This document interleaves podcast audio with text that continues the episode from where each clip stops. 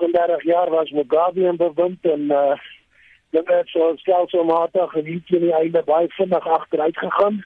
Toe raak ons af van Mugabe en die nuwe bedeling sê nou goed, ons gaan nou hier regmaak en uh dinge gaan vorentoe gaan en dit het nie gebeur nie. Dit het meer en meer agteruit gegaan. In die laaste jare van dat die nuwe bedeling aan bewind is, sekere dele en baie mense wat ek met praat sê vir my is eintlik slegter af as die Mugabe en bewind is. En toe so hierdie einde van laas jaar het die kommoditeite skaars geraak op die rakke. Ook olie was skaars en brandstof was natuurlik baie skaars en mense begin na rye staan en in die rye slaap en rye vir brandstof tot en met 22 km lank wat hy wag vir vir brandstof en mense het net gesê genoeg is genoeg en laasweek het die staatspresident 'n aankondiging gemaak 'n drastiese verhoging van 150% in die brandstofpryse en uh, die mense het net stil geraak en sê nou moet ons iets doen hieromtrent. Het die president enige redes verskaf oor hoekom die brandstofprys juis verhoog is?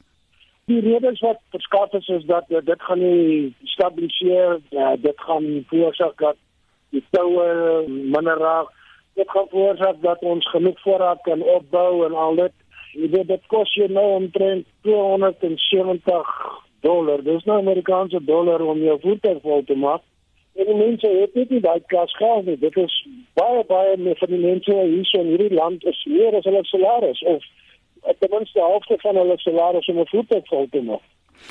Hoe raak die ekonomiese situasie in Zimbabwe jou persoonlik as 'n inwoner? Dit is moeilik. Jy moet hierso jy werk hard vir jou geld en uh, jy moet baie mooi versigtig bestee en koop en al dit. Die goed is verskriklik duur hierso.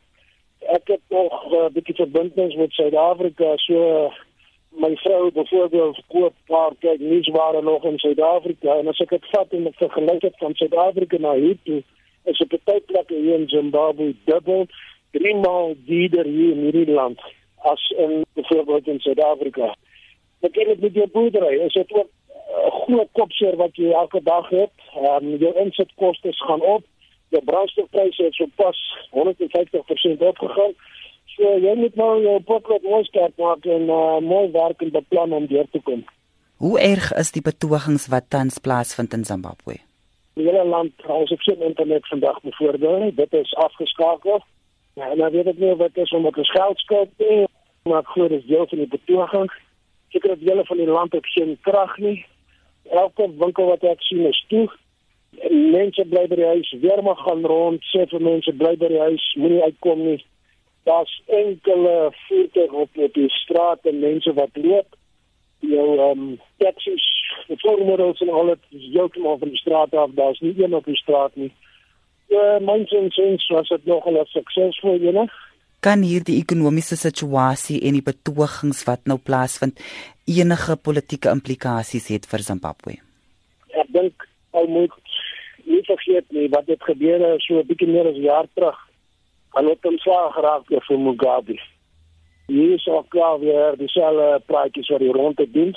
Ons president sit in Rusland en van daar af is hy op pad Switserland toe. Ek weet nie wat hy vir die Switser gaan vertel nie, maar hier in hierdie land gaan dit nie goed nie. En die plek is besig om af te brand.